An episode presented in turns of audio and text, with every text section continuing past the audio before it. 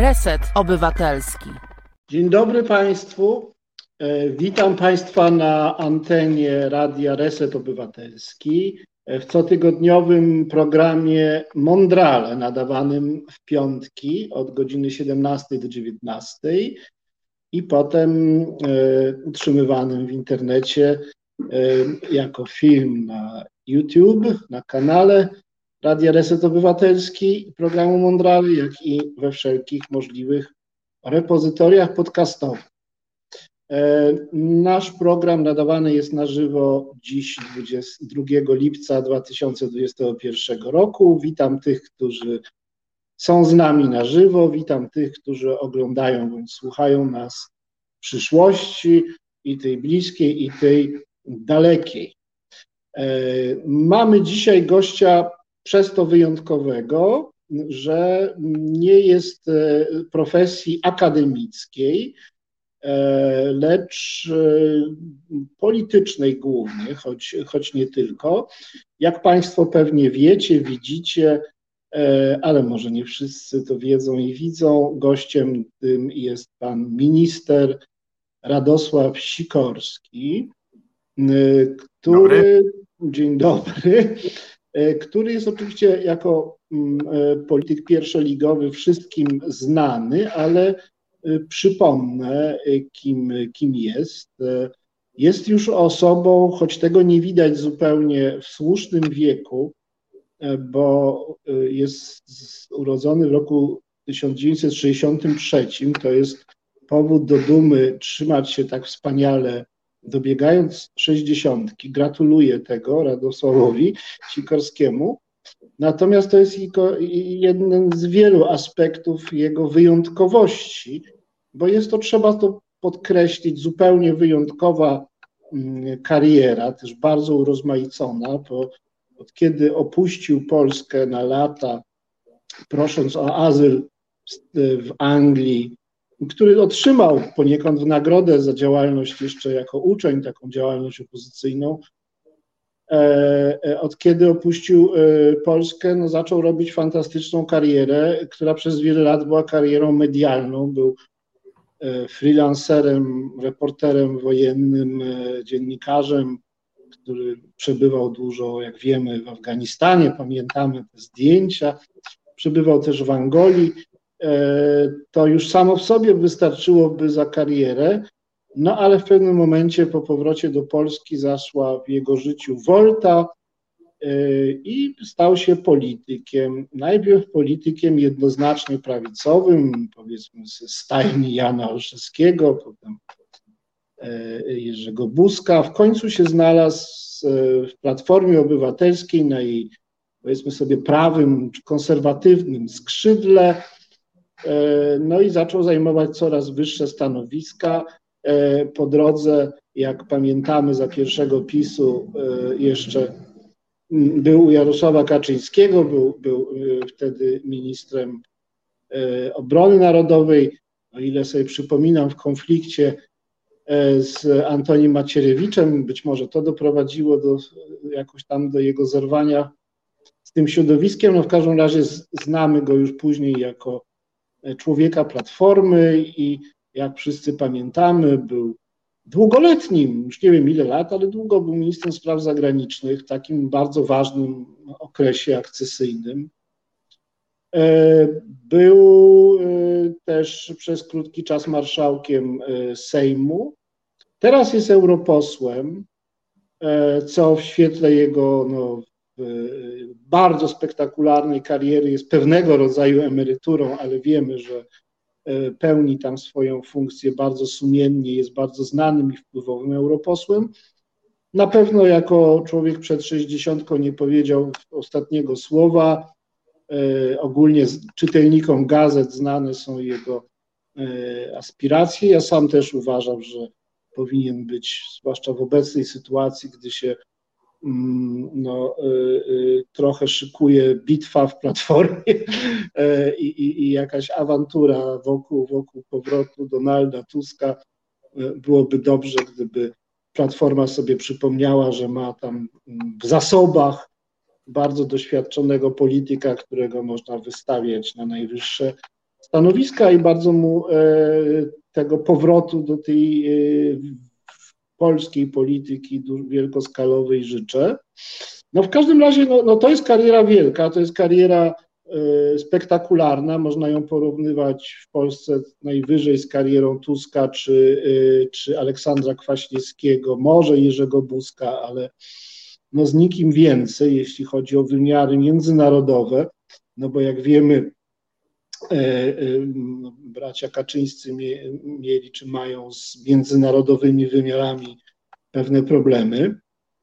A e, Radosław Sikorski jest Oksfordczykiem, jest człowiekiem szalenie światowym, funkcjonującym, ustosunkowanym bardzo międzynarodowo. Na pewno to by się bardzo przydało Polsce, te, te stosunki i to te niezwykłe doświadczenia, które ma. E, zna, no nie wiem kogo, ale chyba wszystkich liczących się polityków e, świata, przynajmniej Zachodu. E, no więc potencjał tu jest wielki, jak widać zdrowie i krzepa dopisują. Ja nie chciałbym rozmawiać dzisiaj, bo ten taki jest charakter i styl naszego programu, o szczegółach jego przeszłości politycznej, poszczególnych jakichś wyborach, których dokonywał czysto, czysto politycznych.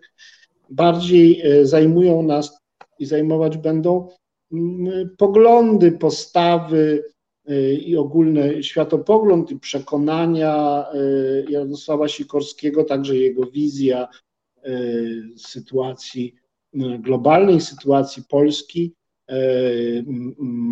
przewidywania odnośnie do e, bliższej i dalszej przyszłości. E, I chciałbym zacząć od takiego pytania, które jest trochę pro domo sua, bo my tutaj rozmawiamy, no w założeniu chcemy rozmawiać ze wszystkimi e, polskimi twórcami, intelektualistami, no ale tak się złożyło, że jakby biorę z listy tych, których znam osobiście, bo jako debiutant radiowy, no tak jest mi łatwiej po prostu. E, zresztą mm, z panem ministrem też się znamy osobiście. I, ale no ja mam głównie kontakty takie w świecie lewicowo-liberalnym i, i tak się złożyło, że dotąd tacy byli goście. Chyba bez wyjątku, może, może jakiś jeden był wyjątek.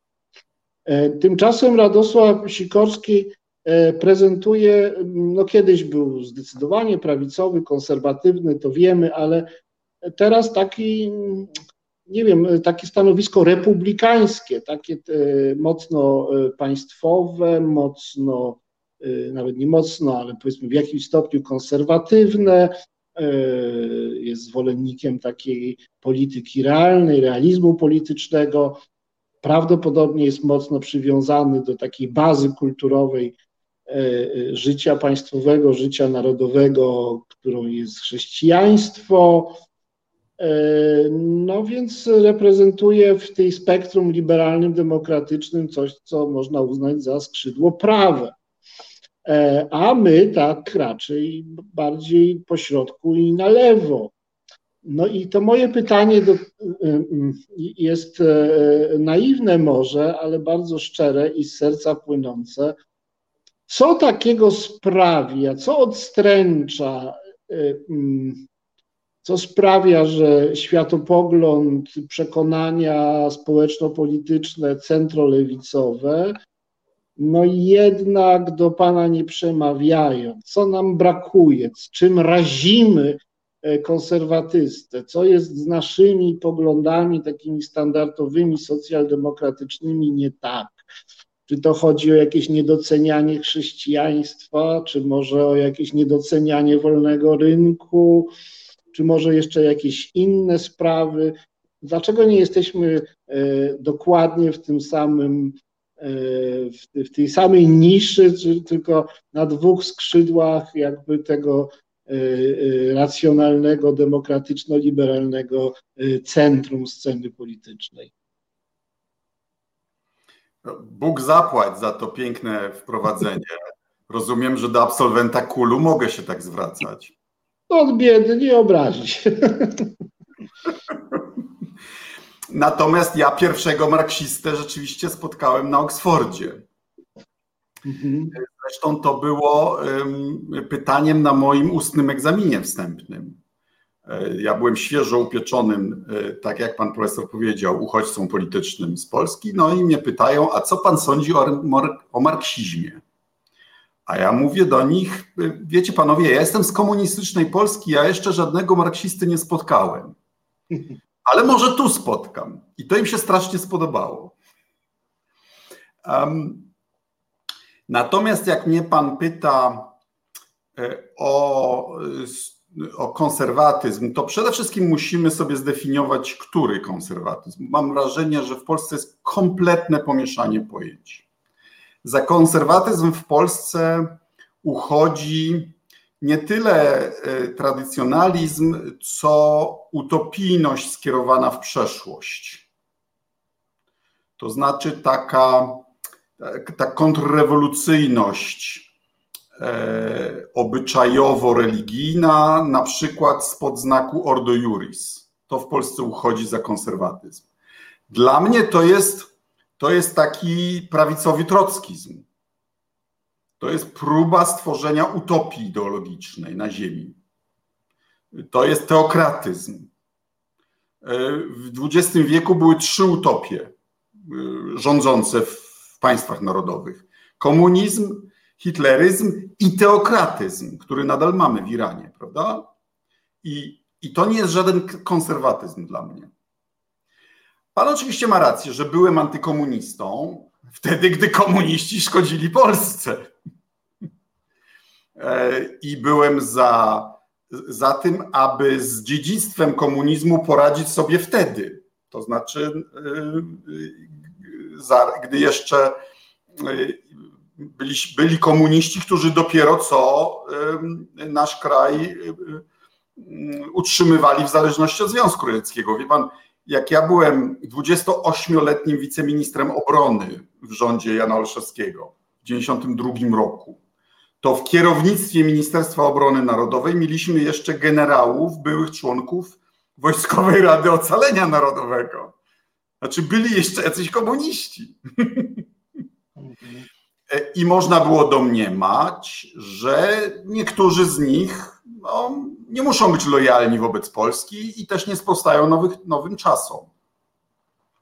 I to był moment wtedy na weryfikację, na, na, na, na, na dekomunizację. Wie pan, w demokratycznych Niemczech zrobiono de, dekomunizację. Um, i, I wtedy byłem tego zwolennikiem. Um, Natomiast nie jestem zwolennikiem walki z komunizmem 30 lat. Później, jak to jest tylko pretekst do, do karierowiczostwa, czy, czy do um, niszczenia ludzi, którzy przez 30 lat y, uczciwie służyli wolnej Polsce, bo przeszli weryfikację na przykład, czy to w służbach, czy w MSZ, czy gdzie indziej. E, zmierzając do odpowiedzi na Pańskie pytanie, to dla mnie konserwatyzm jest częścią filozofii społeczeństwa. To znaczy, ja uważam, że społeczeństwa się rozwijają własnym rytmem. Oczywiście nas, nasz rytm został wielokrotnie zakłócony przez okupacje i, i, i różne zewnętrzne uzurpacje wobec nas, ale jednak, że w historię idziemy zwróceni plecami. To znaczy, że widzimy, co było przedtem, prawda? Nie wiemy, co będzie w przyszłości. No i to, co odziedziczyliśmy od naszych przodków, na dobre i na złe, to jest jakaś spuścizna, z której trzeba wybierać oczywiście, ale od której nie uciekamy, nie uciekniemy. A problem z wami, socjalistami, polega na tym, że wy wiecie, dokąd świat zmierza. Bo, boście to wy, wy wyimaginowali ze swoich umysłów, z pewnych pierwszych zasad, y, równości, prawda, sprawiedliwości i tak dalej. I w związku z tym macie jakąś wizję, do, dokąd świat zmierza, a przynajmniej powinien zmierzać, i próbujecie nagiąć rzeczywistość do, do, do tego celu, prawda? To jest teleologiczne. A ja uważam, że jestem filozoficznie skromniejszy. Ja nie wiem, do, do czego świat zmierza. Ja uważam, że jakbyśmy, jak się przyjrzymy, przyjrzymy światu w takich okresach pokoleniowych, po 25 lat, to świat się radykalnie zmienia co 25 lat i na żadnym z tych etapów nie jesteśmy w stanie przewidzieć, jak będzie wyglądał następny de facto. A przynajmniej, że, że, że ówczesne proroctwa przeważnie się nie spełniały. No weźmy, weźmy lat 100, 100 lat temu, tak? Tuż przed pierwszą wojną światową. Taki słynny strateg brytyjski napisał o tym, że wojna między głównymi mocarstwami jest niemożliwa, bo są zbyt e, powiązane ekonomicznie. Prawda? Kto by wtedy przewidział powstanie wolnej Polski, albo dekolonizację, albo parę innych rzeczy, albo powstanie Związku Radzieckiego? Niemożliwe. I tak dalej. I, i, i tu wydaje mi się, że, że to jest taka różnica filozoficzna między nami. Ma Pan oczywiście rację, że mamy też różnice praktyczne, w tym sensie, że no ja uważam, że bogactwo, żeby dzielić, najpierw trzeba je wytworzyć. Najpierw. I że, i, i że przemysł, przedsiębiorczość i tak dalej to są rzeczy, na które trzeba chuchać i dmuchać. A, a polityka społeczna powinna być, yy, powinna skłaniać ku pracowaniu, a nie ku niepracowaniu a z tym różnie po stronie lewicowej bywa, prawda?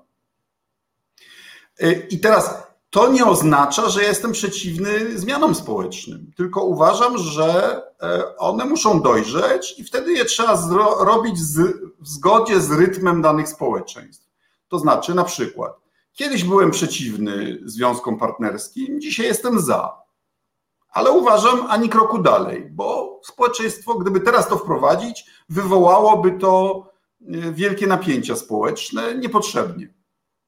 Tak samo uważam, że tego typu sprawy obyczajowe związane z tożsamością, kulturą, historią powinny na przykład w Unii Europejskiej być na wieki wieków w domenie państw narodowych. Że, że rewolucja, zmiany obyczajowe to nie jest coś, co powinno być nam narzucane z Brukseli, bo to tylko szkodzi idei europejskiej. Mhm.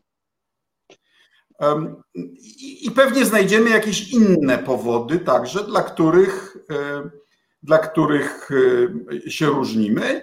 Chociaż wie pan, no, moim i mentorem, i trochę przyjacielem, jeśli to można tak nazwać, był Leszek Kołakowski na Oksfordzie, był na moich urodzinach na 20, 21, który, który uważał się za konserwatywnego, liberalnego socjalistę, bo, bo widział dobre strony wszystkich tych trzech postaw, prawda? Tylko, wie pan, ja na przykład widzę, że w Polsce nadal są bardzo silne pozostałości przedwojennego socjalizmu i endecji, prawda? Tylko obrócone w karykaturę. I na przykład mamy dzisiaj partię rządzącą, która jest takim e, e, e, zadziwiającym amalgamatem najgorszych cech sanacji i endecji. Mogę to rozwinąć, jeśli pan no, chce. Y, będzie na to czas. Myślę, że na razie wystarczy. Ja chciałem się do tego trochę odnieść. Już mamy całą, cały zestaw tematów do omówienia i y, do polemik. Ja może zacznę od y, tego, że z tym programem lewicy, która wie, jak świat powinien wyglądać i dość apodyktycznie chce ten porządek ludziom narzucić, nie bacząc na własne tempo narodu. Nie, nie mówiłem, że narzucić, chociaż tak, bywało. No, może no, w każdym razie przyspieszyć pewne sprawy, żeby naród się za bardzo nie ociągał, gdy trzeba pilnie czasami ma rację, czasami ma rację, bez, bez no, no, no, no, właśnie, widzimy, że politycy mają być liderami, trochę coś przyspieszać czasem, ale z tymi planami socjalistów to jest e, najczęściej sprawa bardzo nie, niegroźna, bo zwykle to się właściwie tylko w kilku postulatach e, e, zamyka. Pierwszy jest taki, że ustrój państwa, sposób działania państwa, panujące stosunki, prawo powinny gwarantować zachowanie godności każdego człowieka, tak, żeby każdy się czuł szanowany, czuł się pełnoprawnym obywatelem, czuł się po prostu człowiekiem, a nie pod człowiekiem, niczym sługą, niewolnikiem, a więc żeby miał poczucie zachowane, poczucie własnej godności. To po pierwsze. Po drugie, no, żeby tak było, nie może być żadnej dyskryminacji z uwagi na tożsamość, taką czy inną, wrodzoną czy, czy nabytą. E, e, nie może być radykalnych. To jest dość nowoczesna koncepcja, no bo jednak historia ludzkości to jest historia emancypacji kolejnych grup, bardzo powolna, prawda? Przecież jeszcze w XIX wieku, w XVIII wieku, w, wśród najświetlejszych ludzi na świecie zupełnie inaczej to wyglądało. Także zgoda, ale, ale pamiętajmy, jak świeże to są tendencje. To prawda, no ale chcemy i na razie się udaje, żeby tej dyskryminacji nie było, żeby panowało powszechne poczucie równości, równej godności, a prawa były e, tak tworzone, aby wszyscy mieli analogiczny dostęp do tych samych dóbr, proporcjonalnie odpowiednio do ich E, e, możliwości i potrzeb, tak żeby wszyscy się czuli sprawiedliwie przez prawo traktowani. Uważamy też, że w przyszłym społeczeństwie ludzie powinni mieć w młodości przynajmniej no, wyrównane w miarę możliwości, wyrównane szanse na e, awans, na szczęśliwe życie, na na dobrobyt, e, e, który oczywiście powinni budować swoją to jest ciężką pracę. Na, na razie mówimy o liberalizmie. No tak? dobrze, ale to ja mówię o, o, o ta przekonania, które łączą też ludzi lewicy, którzy na ogół są w tym spektrum liberalno-demokratycznym się mieszczą. Nie wszyscy, ale znaczna większość, na pewno ja. Mówimy o socjaldemokratach, powiedzmy, i takich troszkę socjalistach demokratycznych to oni się mieszczą w tym spektrum e, e, zachodniej polityki i zapełniają te partie lewicowe. No więc chcielibyśmy, żeby ludzie mieli realne, równe szanse, a to oznacza redystrybucję, to oznacza specjalną opiekę, którą roztaczamy nad młodzieżą, darmową edukację, e, no, właśnie owo dawanie, dawanie, dawanie szans. Nie widzę w tym żadnego. Dawanie szans. Ale redystrybucja sprawiedliwa oczywiście nie musi oznaczać, e, nie może oznaczać bezmyślnego i rozleniwiającego rozdawnictwa. Musi być inteligentna. Te polityki społeczne muszą trafiać, e, e, realizować swoje cele i trafiać do właściwych ludzi. I trzeba je prowadzić w sposób inteligentny. Ale czy przyzna pan, że niektórzy socjaliści, także w Polsce, bardziej nienawidzą bogatych niż kochają biednych. To prawda, takie różne idiosynkrazje w stosunku do przedsiębiorców się zdarzają, ale to nie jest program. No to po prostu są przywary poszczególnych ludzi lewicy, którzy mają uprzedzenia, ale generalnie są to ludzie, którzy chcieliby nie mieć uprzedzeń. Najczęściej mają uprzedzenia wobec nie dość lewicowych intelektualistów, takich jak na przykład ja. Więc ja raczej y, y, należę do nielicznych ofiar E, e, e, uprzedzeń ludzi lewicy, chociaż okay. sam się nie jednego z powodów. Zauważyłem, że, że, lewi, że lewica jest w Polsce nie tylko dość sekciarska, to znaczy jak się nie zgadzamy z całość, ze 100% poglądów, to jest wielka łatwość um, o, o, takiego uznawania wykluczania. Tak. wykluczania.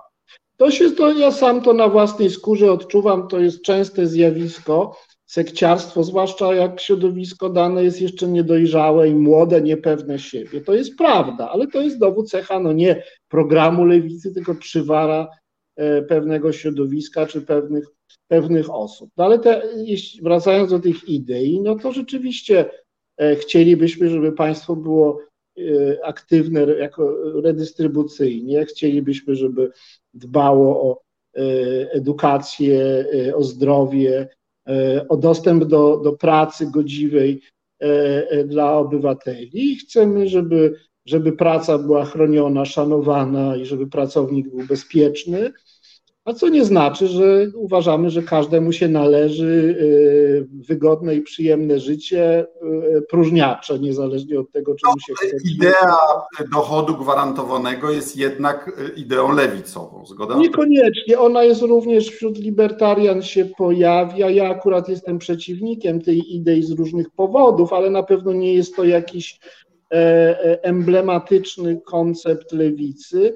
Chcę powiedzieć, że ten, e, mm, ten wspólny rdzeń tego, tego idealnego społeczeństwa, do którego zmierzamy, jest dosyć taki ogólny i bardzo jakiś taki zgoda, mało kontrowersyjny. Zgoda, ale ja chcę pana przekonać, że dla mnie konserwatyzm nie jest programem. To jest tylko pewna, pewien temperament. Tak, tak. Temperament. Mhm. Podejrzliwości do entuzjazmów politycznych. Mhm. Przede wszystkim no ale poza właściwie tymi sprawami małżeństw e, e, jednopłciowych, którym się Pan sprzeciwia, akceptując związki partnerskie, to jeszcze nie wymienił Pan e, jakiegoś poglądu, który Pana wyraźnie różni od lewicy. Czy mogę prosić o inne przykłady jeszcze? Um.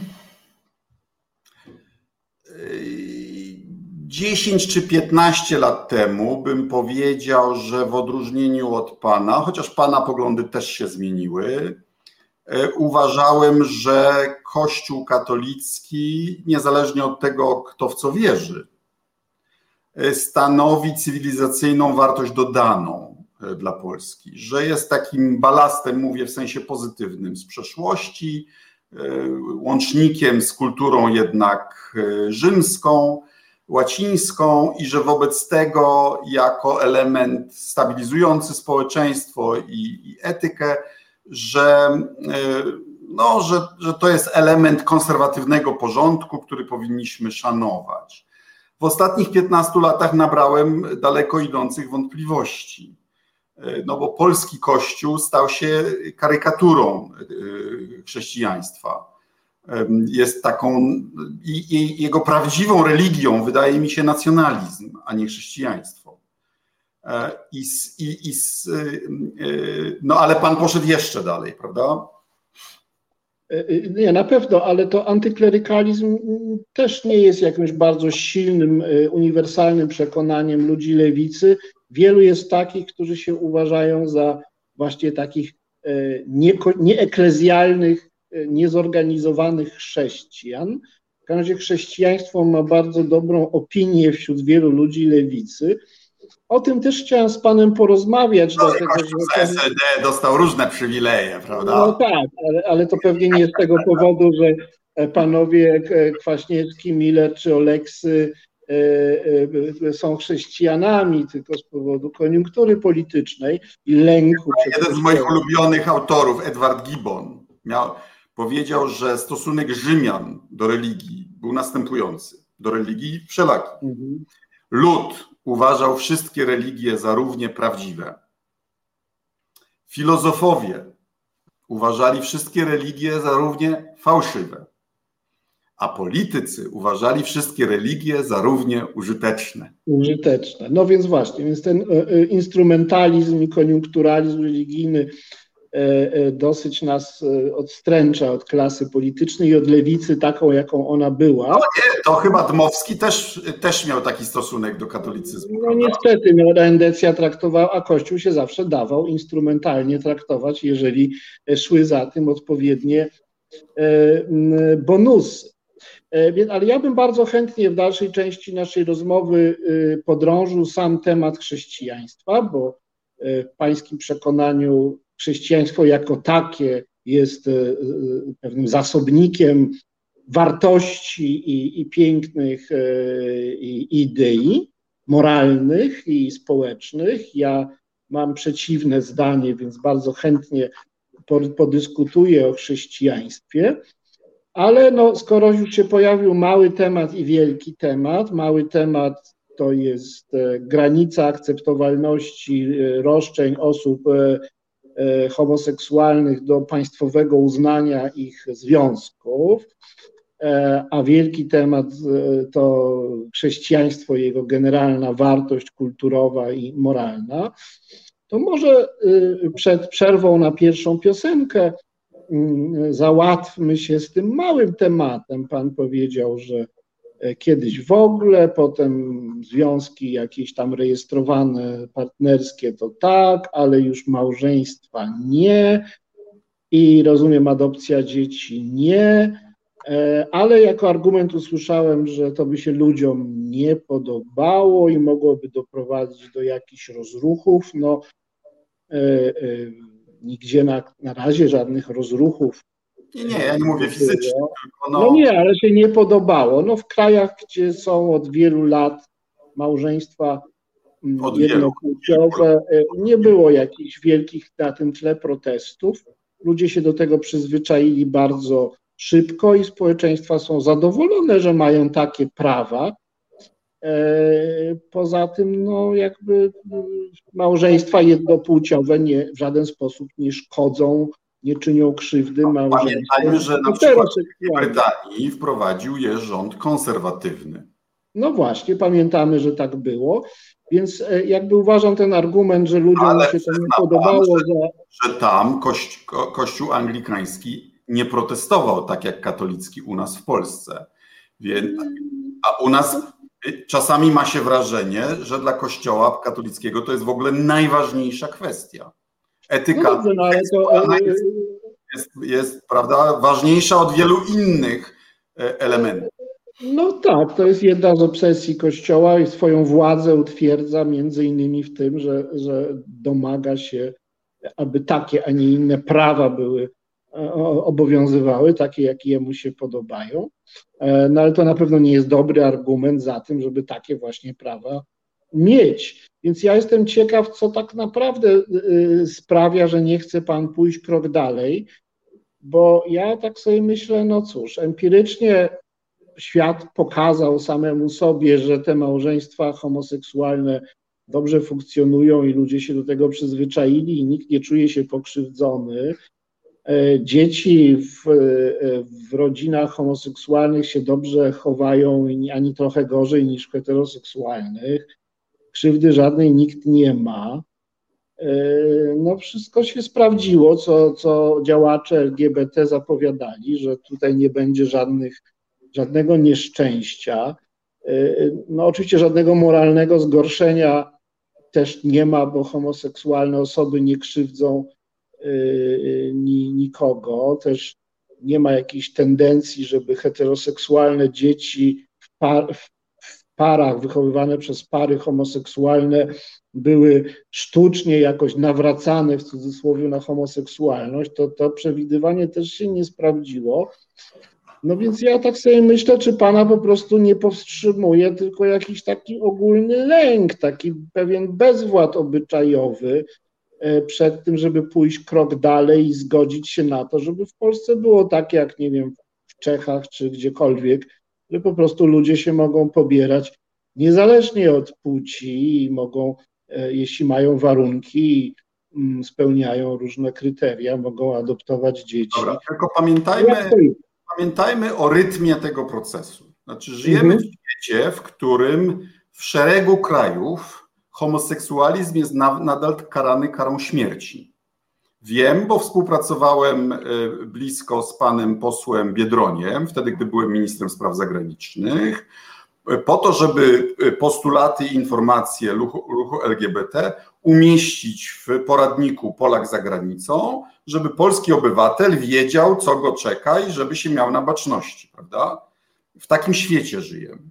Żyjemy w świecie, w którym Wielka Brytania w tej chwili na bodajże banknocie 50-funtowym umieszcza geniusza matematycznego Alana Turinga, ojca informatyki, e, który się walnie przyczynił do e, operacji z Enigmą i tak dalej, którego zadręczono na śmierć i którego w zasadzie zmuszono do samobójstwa ze względu na jego homoseksualizm. Okay? Więc dzisiaj na banknotach, a jeszcze nie tak dawno, e, było zupełnie inaczej, prawda? Więc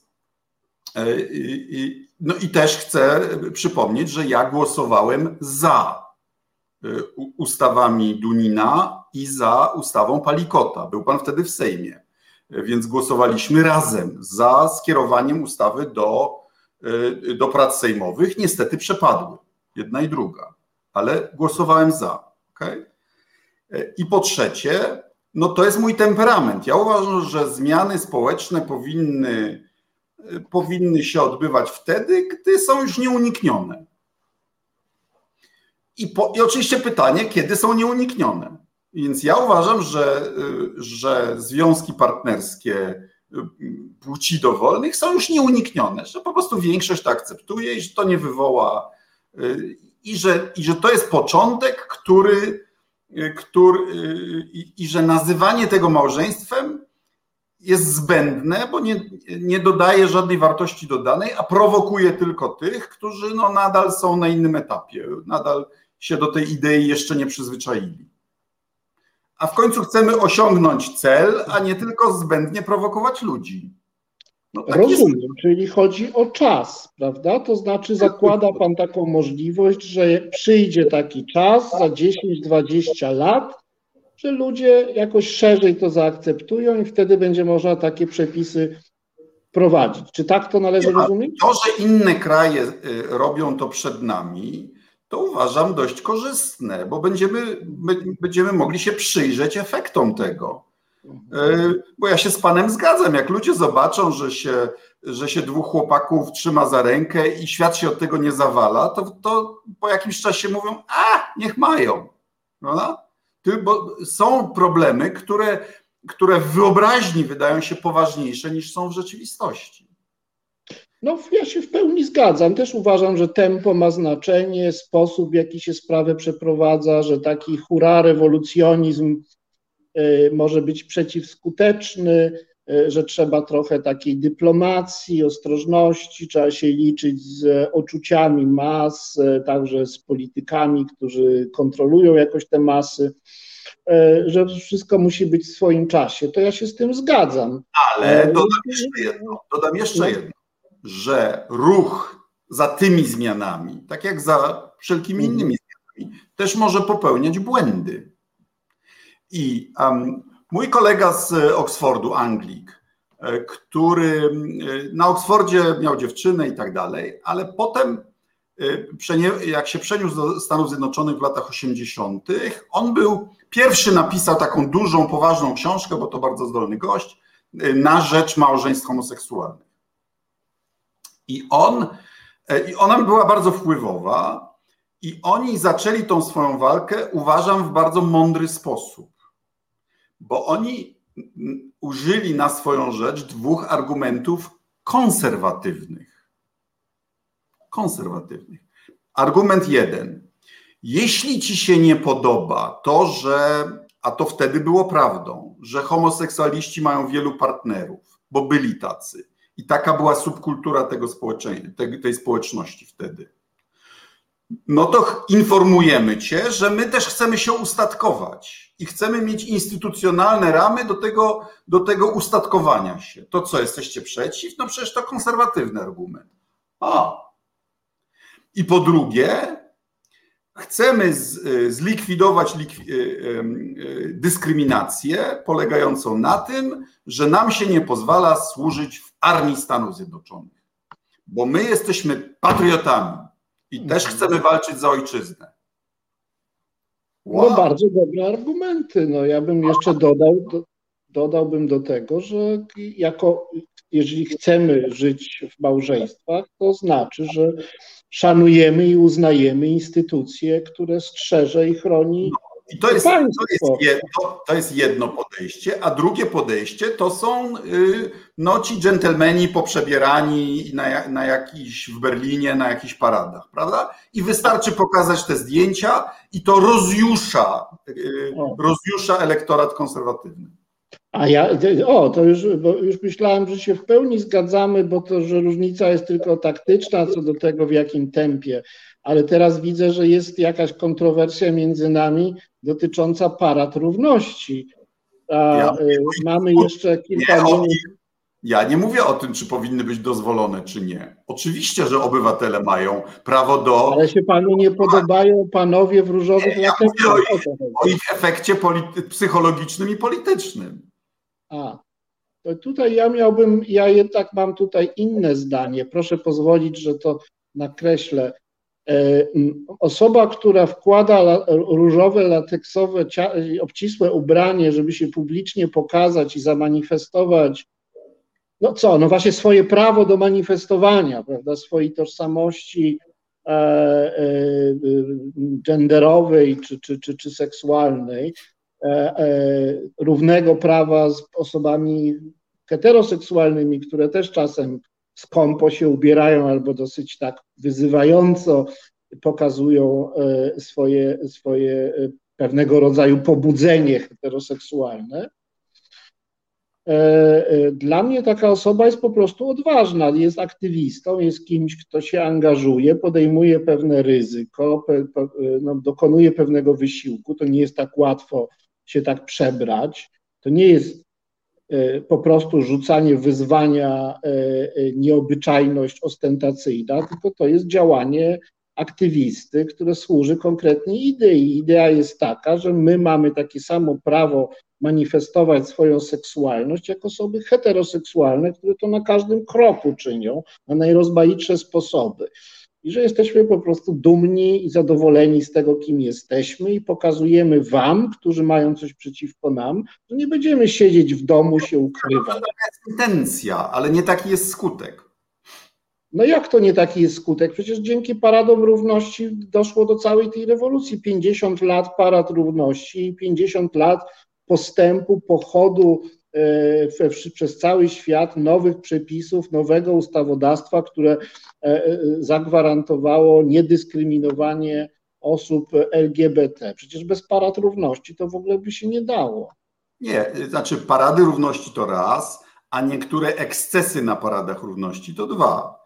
Ale pan mówi o ekscesach, mając na myśli te lateksy, które ja teraz tłumaczyłem, czy coś nie, innego?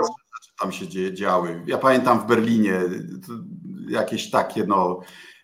Okej, okay. wie pan co? Przenieśmy to na krajowy nasz, e, tak. nasze bo, bo mam konkretny przykład. Ja brałem udział w demonstracjach strajku kobiet. Tak. Mhm. Okay? Natomiast uważałem, że wtargnięcie do kościołów było błędem, a zdarzało się. O, e, to bardzo ciekawy przykład, bardzo ciekawy przykład. E, e, chciałbym zapytać, w takim razie teraz zagramy piosenkę, to będzie ze 4-5 minut, a na taki odpoczynek dla nas wszystkich.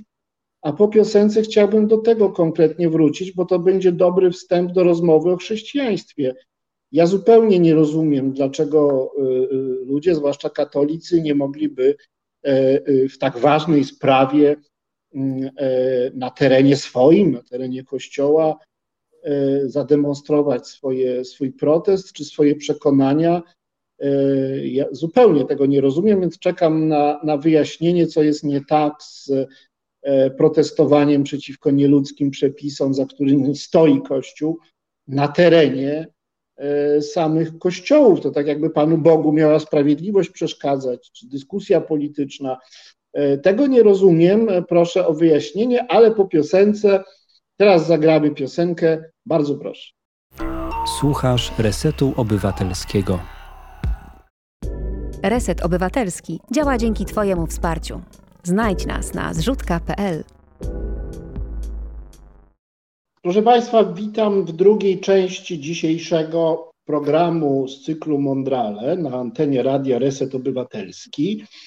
Nasze radio jest radiem społecznym, obywatelskim, e, poniekąd amatorskim, e, bardzo niskokosztowym i niszowym, ale wierzymy, że przyszłość należy do takich właśnie mediów i osoby również profesjonalnie, nie tak jak ja, zajmujące się pracą w mediach elektronicznych e, i w radiu, są dziennikarzami i autorami programów naszej stacji. E, stacja jest jednakowoż do tak zupełnie, ale to zupełnie niezależna i wolna, w związku z tym też e, bardzo skromnie, ma bardzo skromny budżet i tym bardziej prosimy Państwa, od których nas, nasz byt zależy, o drobne wpłaty na zrzutce.pl albo na patronite.pl. Dzięki temu te audycje mogą się e, ukazywać, zawsze są jakieś e, koszty. E, mamy też takich sponsorów bardziej regularnych. Producentem naszego dzisiejszego wydania jest pan Paweł z Rabarbaru, za co bardzo dziękuję. Realizatorem dzisiejszego wydania pan Krzysztof Kołaczek. A gościem, jak Państwo wiecie, jest pan minister, pan marszałek E, Radosław e, Sikorski, z którym rozmawiamy o jego fundamentalnych przekonaniach e, społeczno-politycznych. Doszliśmy do takiego momentu, do takiego progu rozmowy o jego stosunku do chrześcijaństwa, jak sądzę, wciąż afirmatywnym, mimo krytycznego stosunku do Kościoła katolickiego w Polsce, ale no, Radosław Sikorski należy do tych bardzo licznych Polaków, którzy krytyczni wobec Kościoła są jednocześnie czy chrześcijanami, czy w każdym razie szanują bardzo chrześcijaństwo jako e, piękną e, i etyczną mm, e, religię.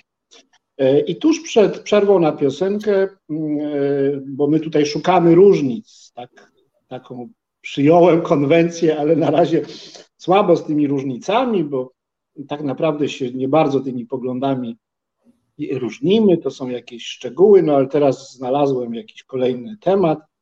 E, e, pan e, minister uważa, że dziewczyny ze strajku kobiet, kilka takich było, które z transparentami weszły do kościołów, tam protestując przeciwko temu, że z inicjatywy kościoła polskie prawo wymusza rodzenie dzieci, które są obciążone, obciążone potwornymi wadami genetycznymi, że to jest nadużycie, że tego robić nie wolno.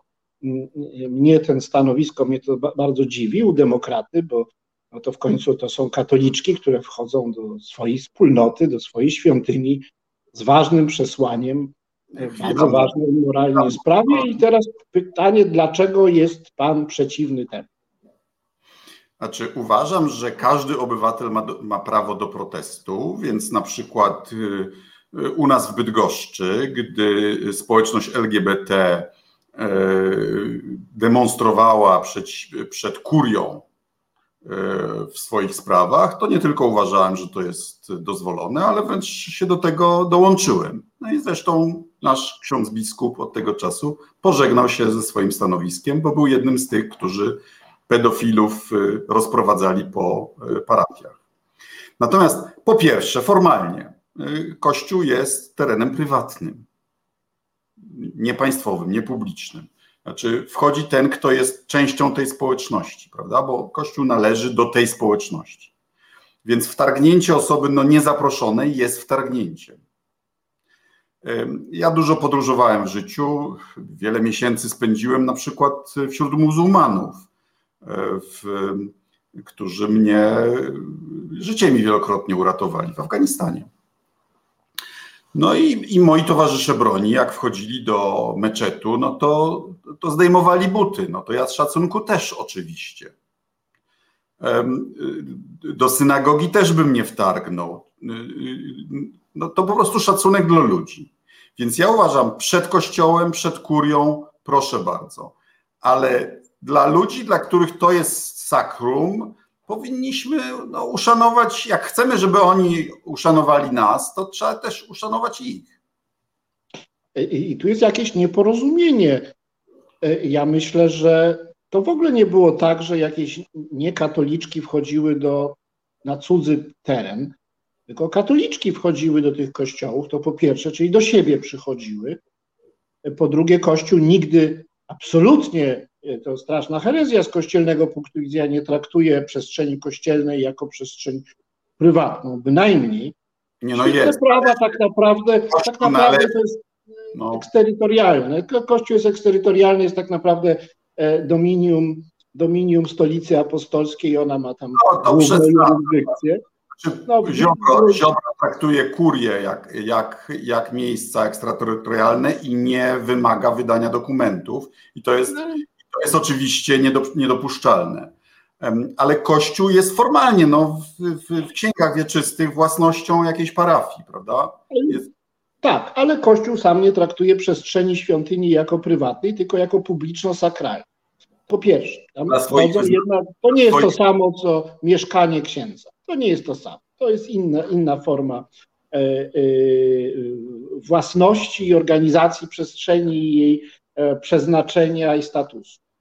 E, po drugie, no ja się zupełnie, absolutnie zgadzam, że jak ktoś nie jest e, członkiem wspólnoty religijnej, nie powinien wchodzić do żadnej świątyni celem e, prowadzenia jakichkolwiek polemik i nie, jeśli nie jest zaproszony, to ja się zgadzam, ale o ile wiem, to w ogóle nie, nie, nie było takiego przypadku, to nie o to chodziło, po prostu katoliczki. No nie profes... Ja nie wiedziałem, że Joanna Schering-Wielgus jest katoliczką. Myślałem, że już nie jest. Ja tego, tego, nie wiem, czy, czy ona, wydaje mi się, że jest, ale w każdym razie formalnie no, jest, jest w tej organizacji. E, e, to jedna rzecz. A druga, nawet już, no dobrze, załóżmy, że jak ktoś nie jest, to nie powinien, a jak jest, no to jest zupełnie inna sytuacja. I teraz drugi argument, że to narusza mm, atmosferę sakralną, czy jakąś świętość miejsca. Moim zdaniem e, mm, e, apel etyczny w bardzo fundamentalnej sprawie, także teologicznie w fundamentalnej sprawie, no, jest wyrazem zaangażowania, nie naruszenia. No, Pan Bóg się nie będzie obrażał, że modlitwa, nie jest tak, że modlitwa z definicji jest nieskończenie e, ważniejszą czynnością i wyższą etycznie. Ani Pan, ani ja, ani, ani nikt inny nie wie, bo jakoś się nie wypowiada. Natomiast ja uważam, że protestować trzeba wobec tych, którzy to nieludzkie prawo promowali. Znaczy, protestować trzeba wobec Jędraszewskiego i Rydzyka, a nie wobec Bogu Ducha winnych parafian gdzieś.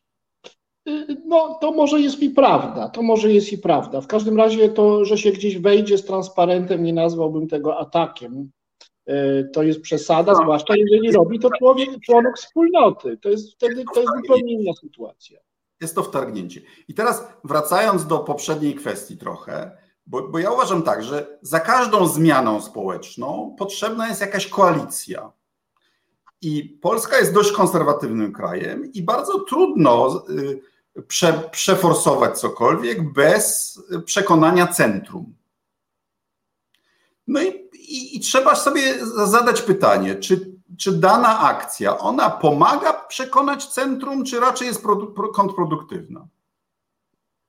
No tak, no to jest taki pragmatyzm. No rzeczywiście na, w polityce tak, bieżącej.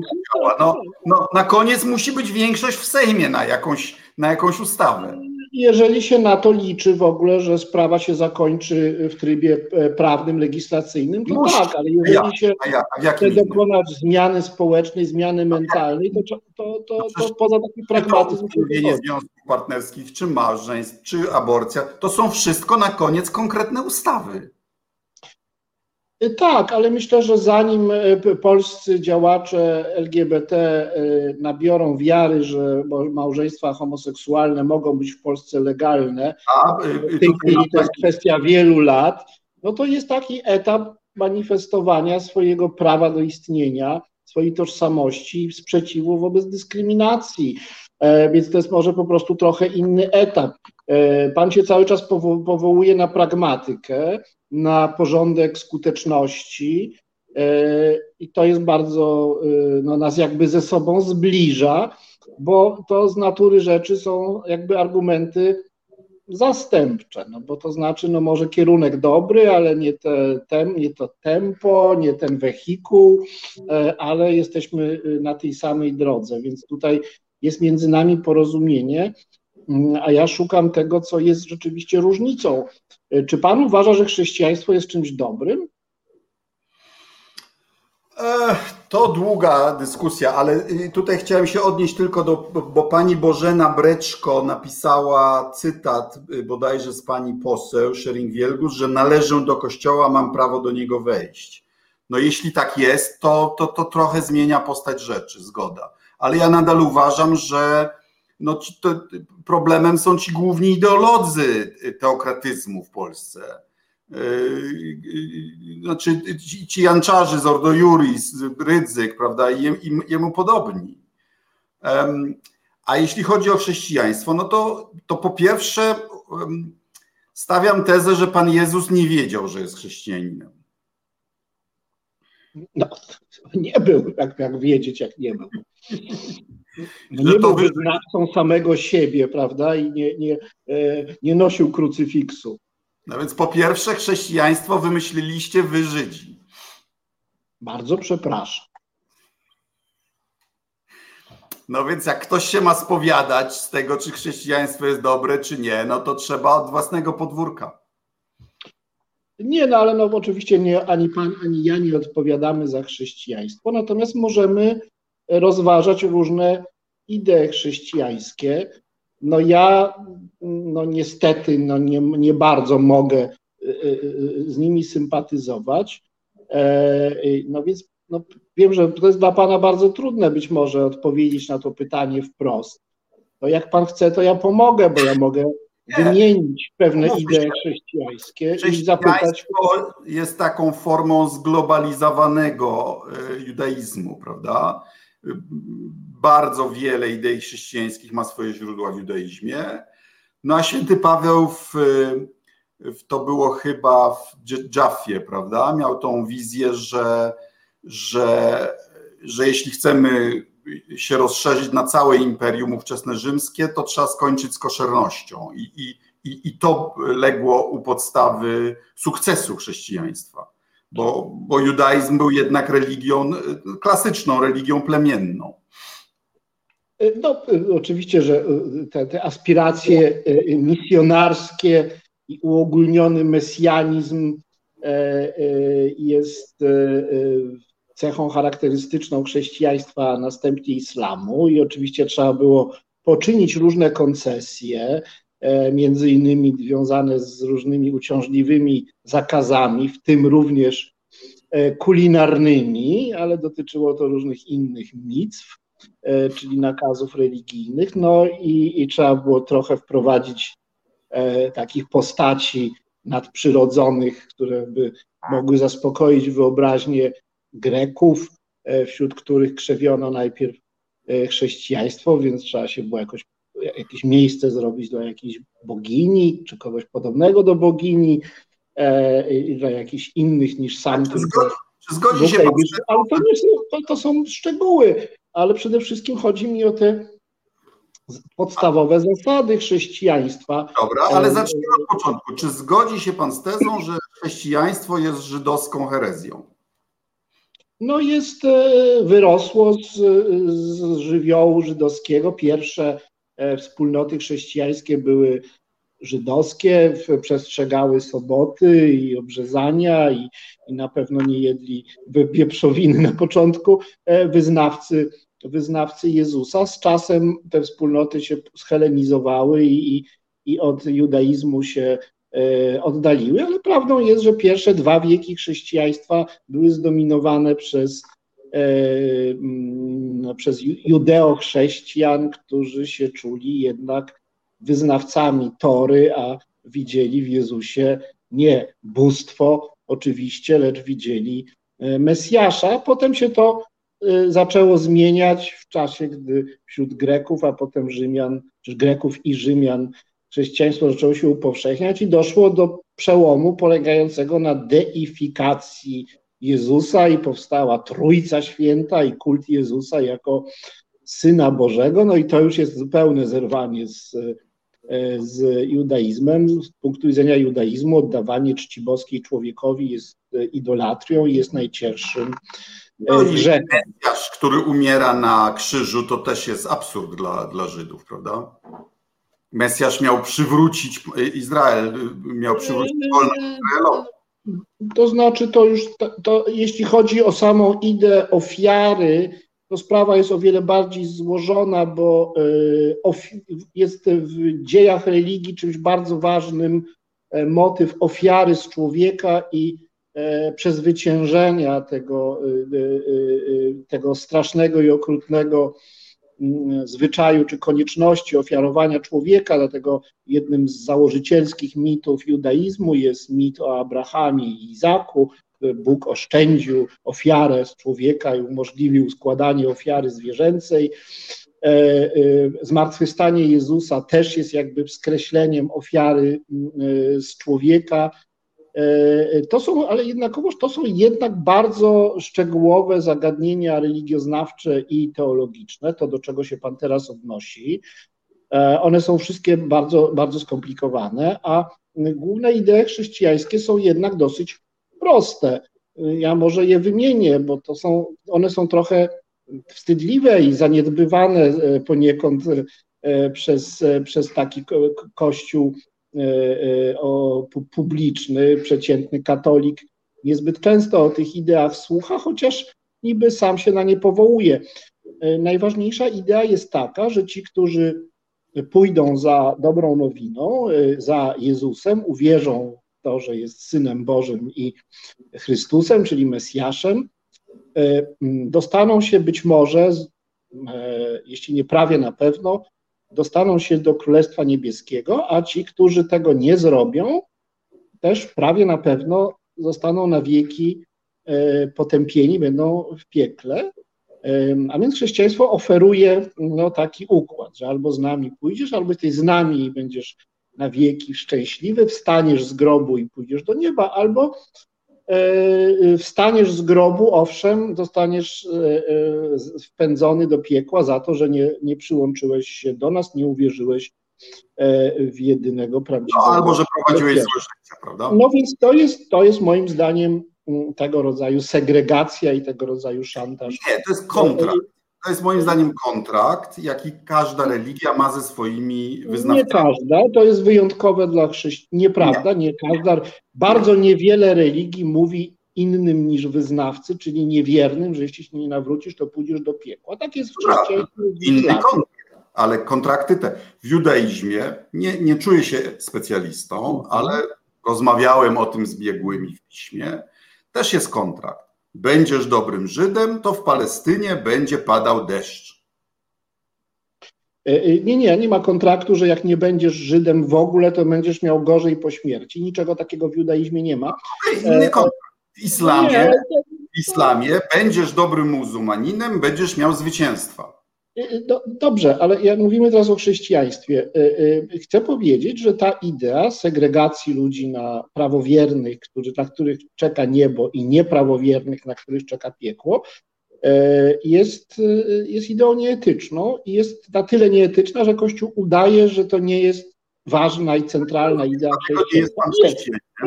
Jak ktoś twierdzi, że, że w niebie będą niechrześcijanie, albo że piekła nie ma, to nie jest katolikiem i tyle.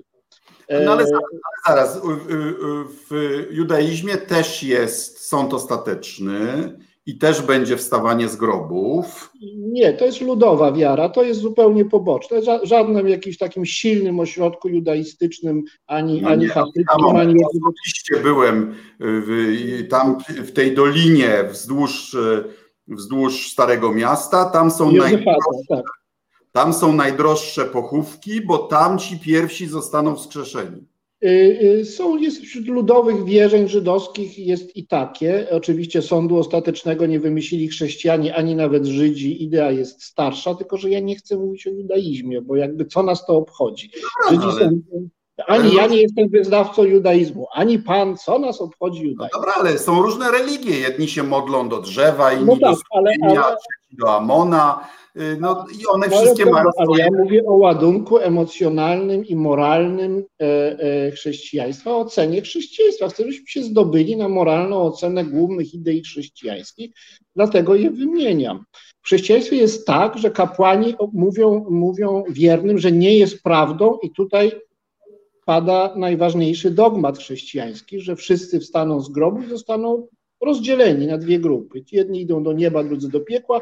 Do piekła pójdą wierni, a do, do nieba pójdą wierni, a do piekła niewierni.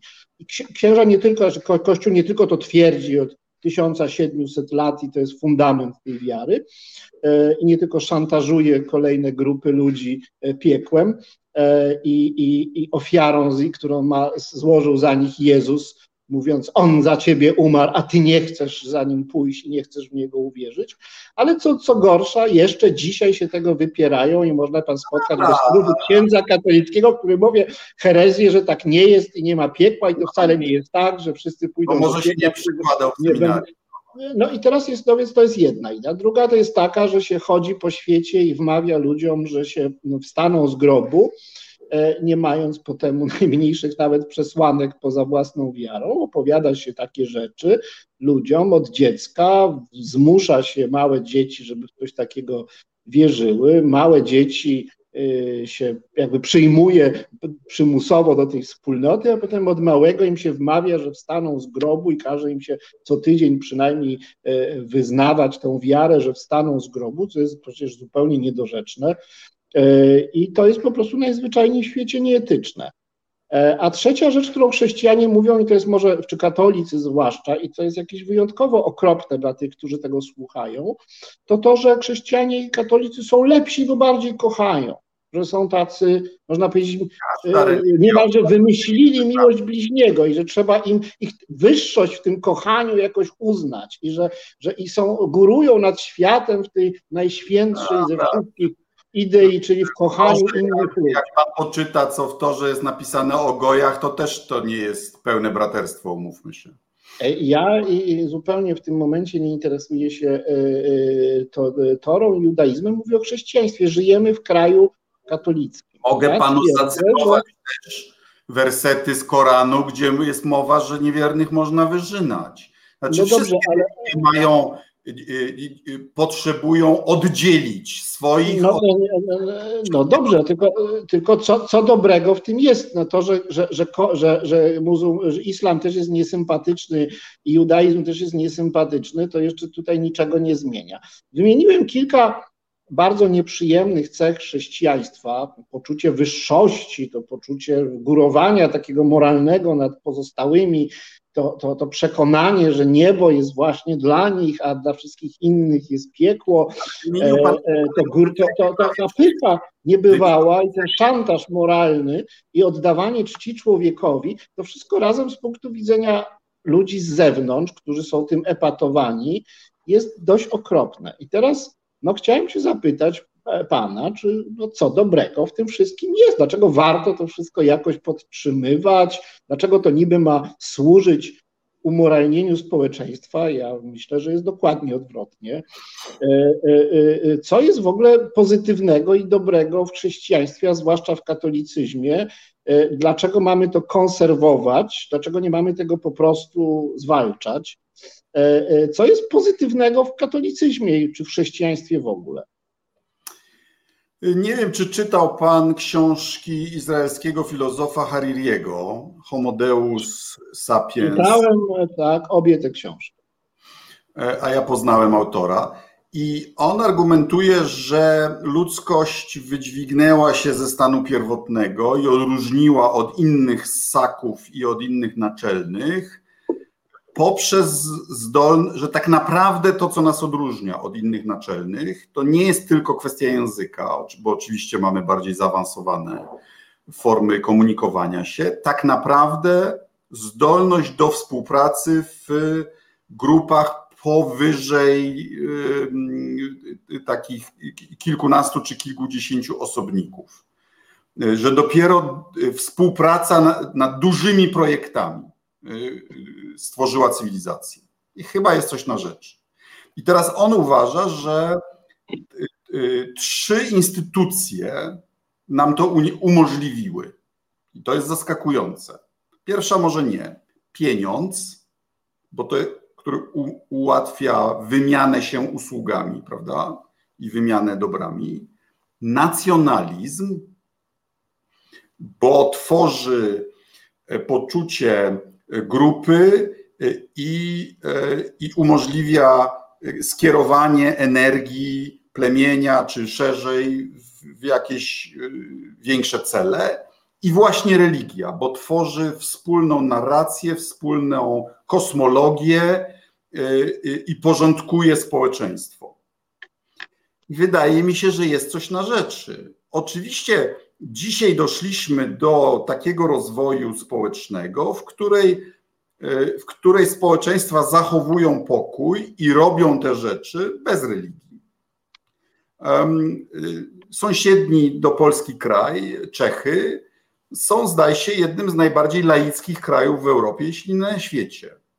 I to, co mnie zastanawia, to to, to że wbrew twierdzeniom chociażby e, Jarosława Kaczyńskiego, że, że, że bez religii nie ma etyki, e, statystyki przestępczości w Czechach są bardzo zbliżone do naszych. A, a wedle tej tezy powinno no, tam być yy, yy, Sodomia i Gomoria, prawda? Tylko e, ja się nadal zastanawiam, czy te 7 miliardów ludzi, których ma, które mamy na świecie, może wszyscy, czy wszyscy są w stanie wygenerować własne poczucie celu, własną, własną narrację, poza odziedziczonymi od przodków kodami kulturowymi. I ja się zastanawiam, czy w miejsce tych historycznych, mhm. które popełniały swoje zbrodnie, ale już dojrz, ale, ale przeważnie dojrzały, prawda? Często się tych zbrodni wstydzą. Czy w miejsce tych kodów kulturowych, yy, no, ale wiemy to empirycznie, czasami wchodzą gorsze, yy, świeże, bardziej radykalne, bardziej fanatyczne.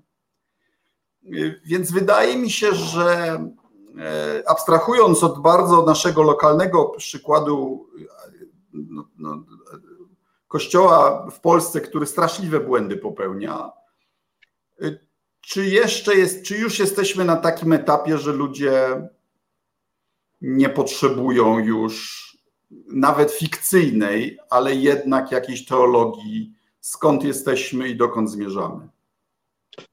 Ja bardzo szanuję religię, żeby tutaj nie było wątpliwości. Widzimy to w pańskich felietonach prawie co tydzień. Ja bardzo szanuję y, taką religię, która y, oddaje cześć nieskończonej istocie, nieskończenie różnej od człowieka, każdego człowieka, y, która podtrzymuje doświadczenie świętości, która uczy pokory, dobroci, miłości, łagodności.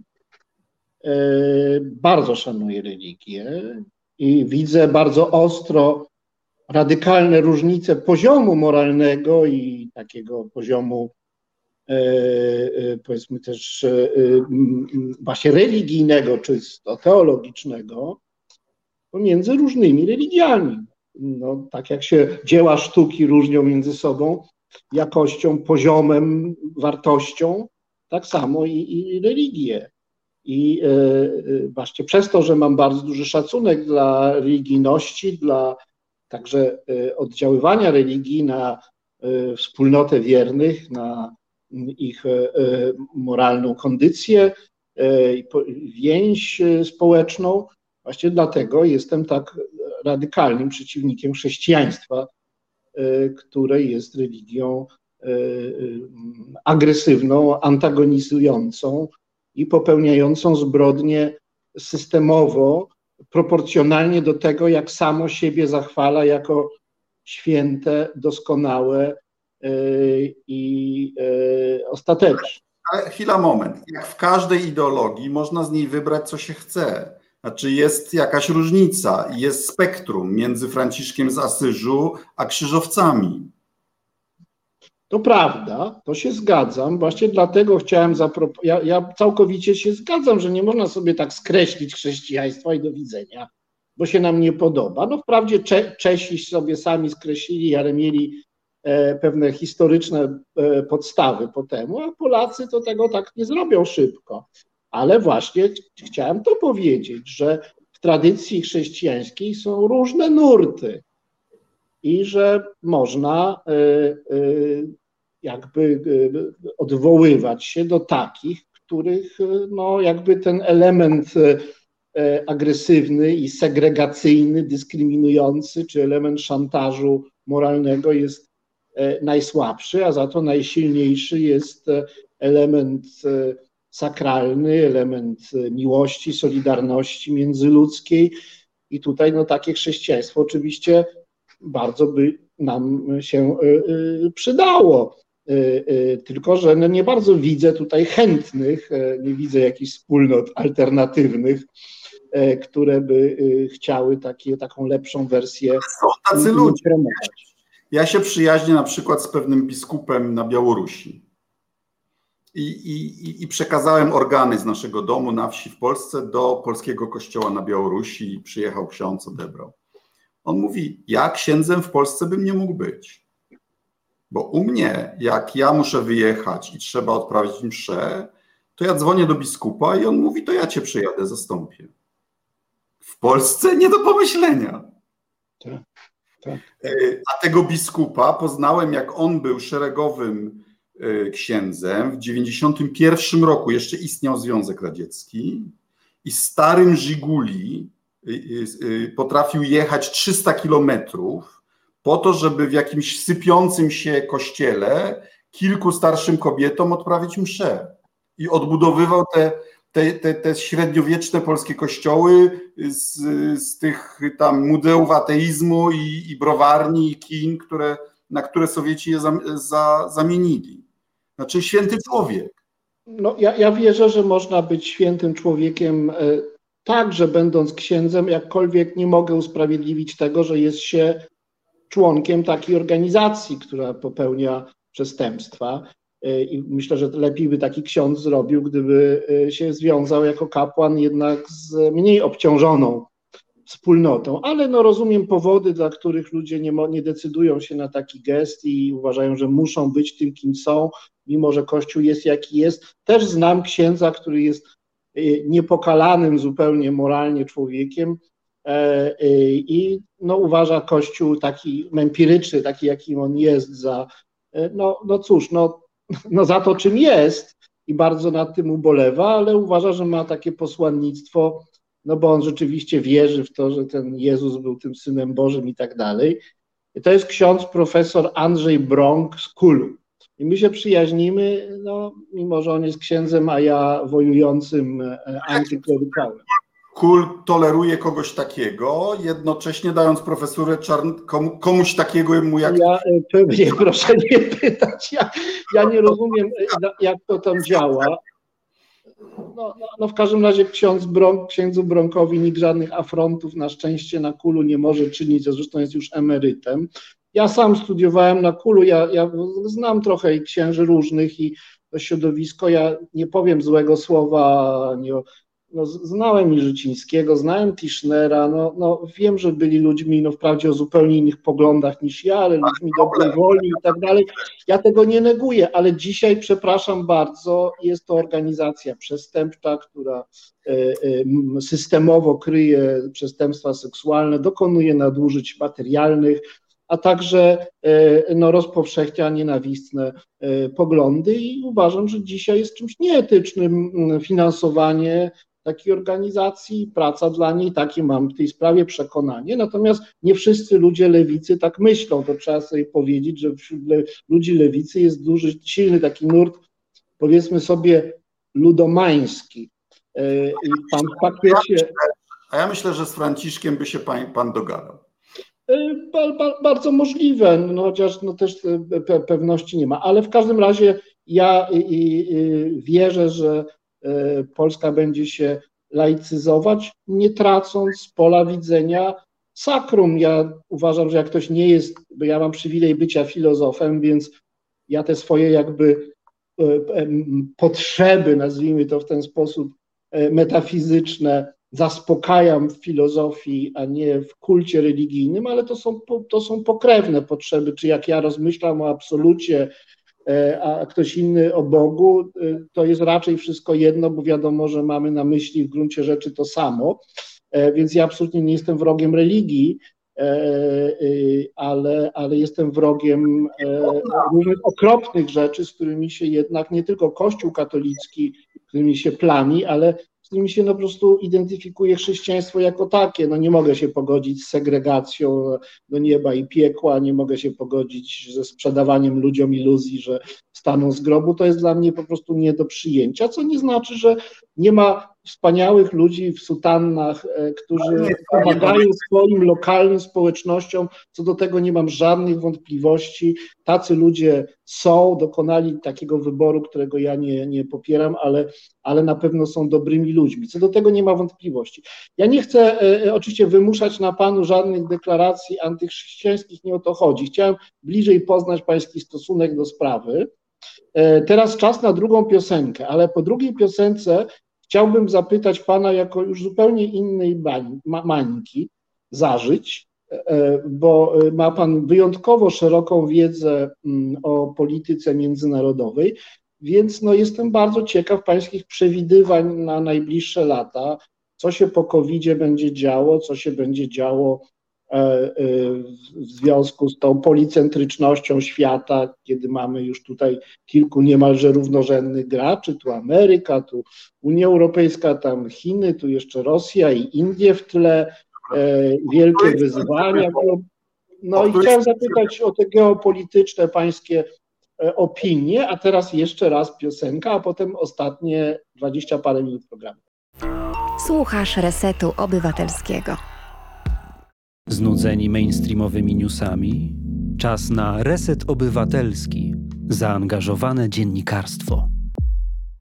Oglądają Państwo bądź słuchają e, programu Mondrale e, w Radiu Reset Obywatelski, zarejestrowanego 2 lipca 2021 roku. Rozmawiam dzisiaj z panem ministrem i marszałkiem Radosławem Sikorskim w trzeciej, ostatniej e, części naszego programu chciałbym porozmawiać o polityce globalnej. E, zapytałem, jak widzi, jakie są perspektywy polityczne czy geopolityczne na najbliższe lata. Czasy są kryzysowe, mamy pandemię, nie wiadomo jak długo to jeszcze potrwa. Globalne ocieplenie zwala się na nas z niezwykłą zupełnie E, chyżością, e, potężne fale upałów każdego roku, również teraz w Kanadzie dzieją się rzeczy przerażające. E, no i wydaje się, że lepiej już było. Wyzwania są wielkie, nikt, żaden rząd międzynarodowy nie powstał, żadne organizacje międzynarodowe nie są w stanie temu sprostać. Państwa narodowe które pan minister popiera jednak jako najbardziej żywotne i wiarygodne instytucje, no też nie są w stanie porozumieć się w wymiarach globalnych, żeby zapewnić pokój i jednocześnie zapewnić e, e, skuteczne ograniczenie emisji gazów cieplarnianych i dokonać rewolucji energetycznej. E, w tle są wojny handlowe i wielka rywalizacja cywilizacyjna między Chinami i resztą świata. No, trochę się wszyscy boimy. Czy pan minister może nas odrobinę chociaż pocieszyć? Obawiam się, że nie, bo co prawda żyjemy w bardzo szczęśliwych czasach.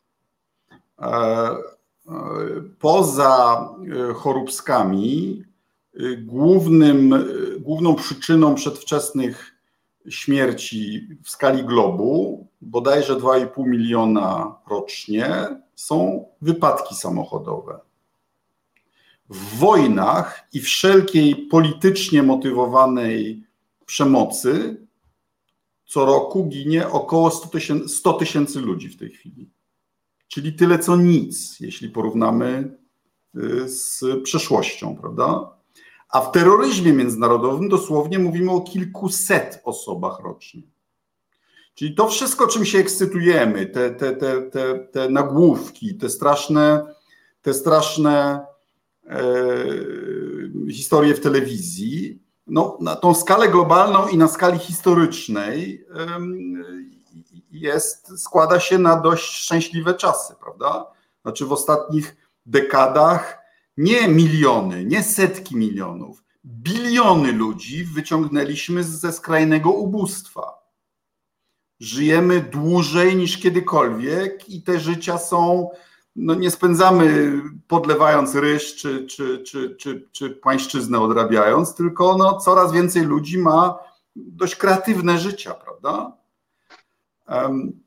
I oczywiście są te zagrożenia. Pandemia było jednym z tych, które lekceważyliśmy.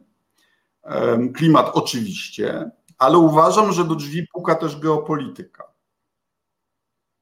Że organizacyjnym konfliktem XXI wieku będzie rywalizacja Chiny-Stany Zjednoczone i wszystko inne będzie temu, e, świat będzie znowu dwubiegunowy.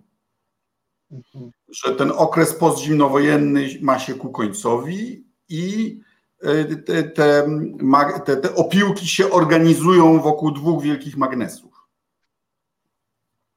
Chiny znacznie bardziej niż Związek Radziecki y, mają zdolność do y, no, panowania nad większością świata, bo są potęgą gospodarczą, y, którą Związek Radziecki nigdy nie był. No i mają jedną czwartą ludności, co też było poza zasięgiem Związku Radzieckiego. A Stany Zjednoczone, jako mocarstwo dominujące w tej chwili, E, no, nie będą chciały tej, tej roli oddać. E, bo, bo prawie nikt nigdy nie oddaje bez wojny. E, to się nazywa pułapka Tukidydesa. Tukidydes, pierwszy nowoczesny historyk, opisał wojnę peloponeską, która była ówczesną wojną światową w, basenie Morza Śródziemnego i powiedział, że to, co ją spowodowało, to wzrost potęgi Aten i strach, jaki to wywołało wsparcie, która była dotychczasowym mocarstwem dominującym. I prawie zawsze taka zmiana hegemona odbywa się na ścieżce wojennej. Wyjątki zdarzają się niezwykle rzadko. Portugalia oddała pierwszeństwo Hiszpanii, bo zgodziła się na arbitraż papieża bodajże Bordzi zresztą i słynny południkowy rozgraniczenie sfer wpływów. Wielka Brytania oddała palmę pierwszeństwa pod koniec XIX wieku Stanom Zjednoczonym, swojej byłej kolonii mówiącej tym samym językiem. To są takie specyficzne przykłady. A przeważnie kończy się wojną i wojna następuje wtedy, gdy mocarstwo dominujące sądzi, że to jest ostatni moment, że za 5-10 lat może ją przegrać. I my w Parlamencie Europejskim właśnie mieliśmy briefing e, e, wojskowy co do sytuacji wokół Tajwanu. I tam Chiny właśnie uzyskały e, regionalną, podkreślam, regionalną równowagę wojskową ze Stanami Zjednoczonymi, a za pięć lat mogą uzyskać przewagę bo już mają więcej okrętów wojennych niż Stany Zjednoczone, chociaż one są mniejsze, bo już mają ileś tam rakiet Ziemia-Morze, bo już mają ileś e, łodzi podwodnych zdolnych do ataku na amerykańskie lotniskowce. Więc jesteśmy w bardzo niebezpiecznym momencie. Chiny zmieniły swoją doktrynę. Do 10 lat temu obowiązywała doktryna Denga. Buduj swoją siłę i graj na czas. Teraz mamy doktrynę wilczego wojownika y, prezydenta Xi, który chce, który nie ukrywa, to jest w oficjalnych dokumentach, że Tajwan będzie y, wchłonięty z powrotem po dobremu albo nie. No i to jest oczywiście bardzo niebezpieczna sytuacja, bo Chiny za sąsiady mają całą, y, całą Y, taką, y, taki naszyjnik, tak, taką grupę sojuszników wojskowych Stanów Zjednoczonych. Japonia, Korea Południowa, Indonezja, Tajwan właśnie, w przyszłości zapewne Indie. A Rosja właśnie podczas wizyty Bidena podjęła negocjacje o swój stosunek do tego konfliktu. I zaczyna, i zaczyna licytować swoją ewentualną neutralność na przykład. Bo Rosja ma z jednej strony interes, no jako kraj, który wziął udział w rozbiorach Chin w XIX wieku, ma interes w byciu sojusznikiem Zachodu, ale jednocześnie ideologicznie jest w sojuszu autokratów. A Stany Zjednoczone będą ten konflikt ideologizowały jako konflikt między światem demokracji a światem autokracji. I tu na tym zakończę. Polska znalazła się przez głupotę strategiczną PiSu i zacietrzewienie ideologiczne, e, zamiast jako czołowy kraj obozu demokratycznego, znalazła się na ziemi niczyjej, jako kraj, który niszczy swoją demokrację i w związku z tym zaczyna nie pasować Stanom Zjednoczonym do ich wielkiej koalicji. Tak, tutaj ja się zgadzam, że to jest jakaś tragiczna utrata Y, że te nasze y, polskie kompleksy i niemoce, które się wyrażają w delegowaniu do najwyższych stanowisk y, ludzi opętanych przez, przez obsesje i jakieś idiosynkrazje, że to wszystko jakby pozbawiło nas czegoś, co niemalże no, było w zasięgu ręki, że mogliśmy być naprawdę ważnym krajem w dialogu między Europą i Rosją, między Stanami Zjednoczonymi i Europą, między Stanami I to jeszcze zapisu. Znaczy Kaczyński spotykał się, odbywał tajne tak.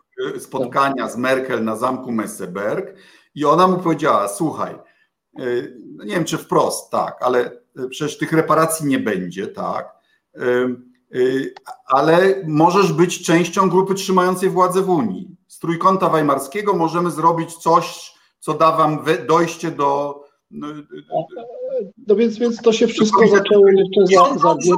I on to odrzucił. Odrzucił, odrzucił. Tak, więc, więc jeszcze za czasów y, y, Kubiszewskiego i Gieremka, i potem jeszcze za pańskich czasów, wszystko było na dobrej drodze. Wydawało się, że możemy być szalenie ważnym, szanowanym krajem, tym bardziej, że wysyłaliśmy do Europy i na placówki dyplomatyczne często bardzo takie szlachetne, kompetentne osoby. Mogliśmy uczestniczyć w różnych negocjacjach. Pan jeszcze uczestniczył przecież w ważnych negocjacjach, pamiętam, e, wokół Ukrainy w czasie rewolucji na Majdanie. E, e, I, i to wszystko zostało zaprzepaszczone pewnie na, na dekady. To wszystko jest bardzo smutne. Pytanie, co mamy w zamian, prawda? Bo oni mają tą doktrynę, no, my tu się stawiamy, my tutaj, prawda, bronimy polskich interesów, tylko niech mi podadzą jeden przykład jakiegoś polskiego interesu, który dzięki temu został zrealizowany.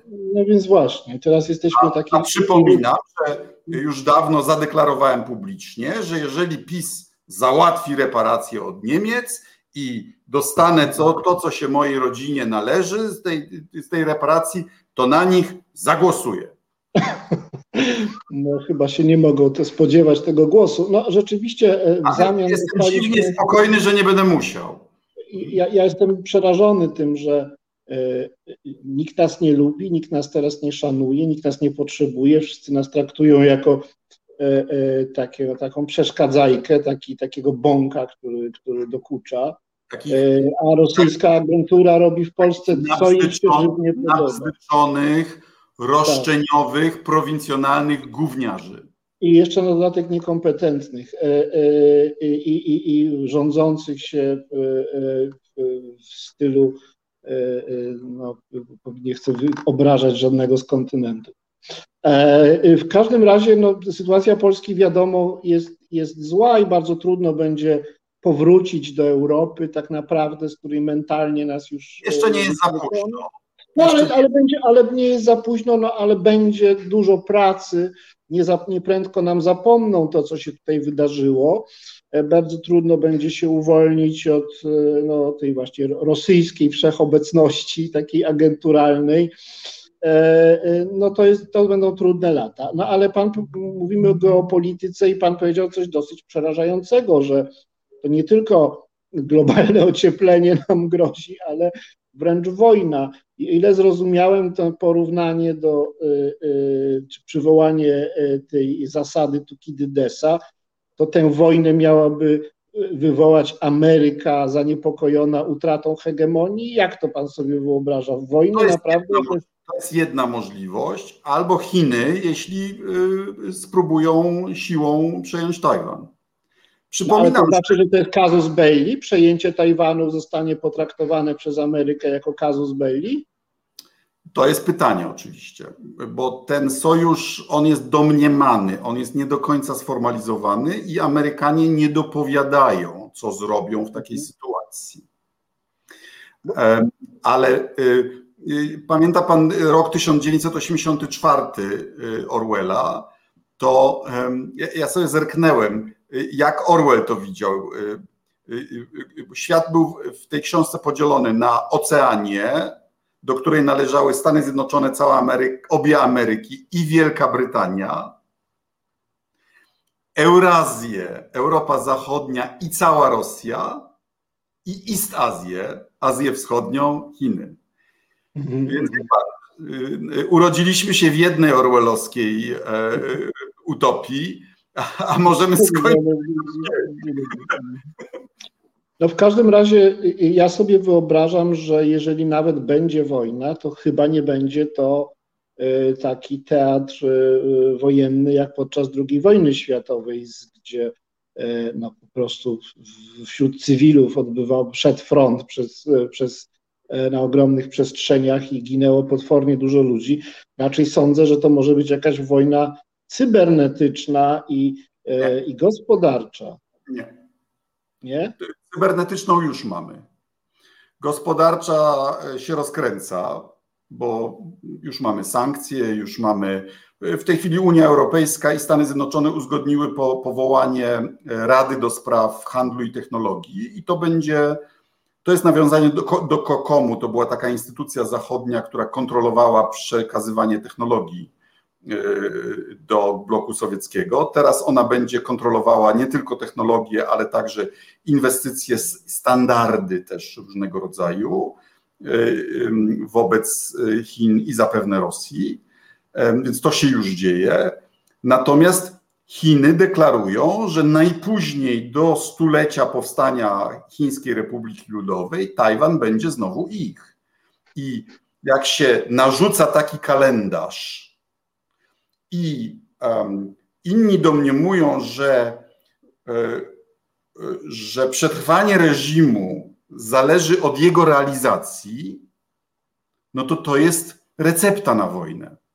Bo, bo chodzi o kontrolę terytorium, a kontroli terytorium nie daje się e, wykonać cybernetycznie. Znaczy, jak Wielka Brytania oddała Hongkong Chinom, to do garnizonu wkroczyła chińska armia wyzwoleńcza i jest tam do dzisiaj. Znaczy, na tym polega, na, na, wojny się toczą o to, na jakim terytorium, jakie, czyje prawo będzie obowiązywało. No ale przecież można Tajwan przejąć nie takim jakimś zmasowanym desantem, tylko przez sojuszników e, wewnątrz Tajwanu. Są chyba no, jakieś partie, które popierają woleliby przejąć Tajwan w sposób pokojowy, z całym dobrodziejstwem, niemałym inwentarza, w tym najnowocześniejszymi e, fabrykami e, mikroprocesorów na świecie. No właśnie, chyba nie mogą ryzykować, że Tajwańczycy wysadzą w powietrze swoje fabryki mikroprocesorów. Prawda? Nie, chyba że, że partia komunistyczna uzna, że bez spełnienia tej obietnicy jej własna E, legitymacja i władztwo nad, nad samymi Chinami będą zagrożone. Mhm. No to bardzo czarny wszystko jest scenariusz, to dosyć jest przerażające. Y, y, zwłaszcza, że chyba za tym się kryją tylko zwykłe ambicje, no bo przecież po co Chinom e, aneksja Tajwanu w zasadzie, no przecież mogą handlować z tym Tajwanem, wszystko. Chiny chcą wrócić na swoje tradycyjne miejsce, państwa środka, centrum świata, wokół którego inni się i, i któremu, y, y, któremu biją pokłony i oddają hołd.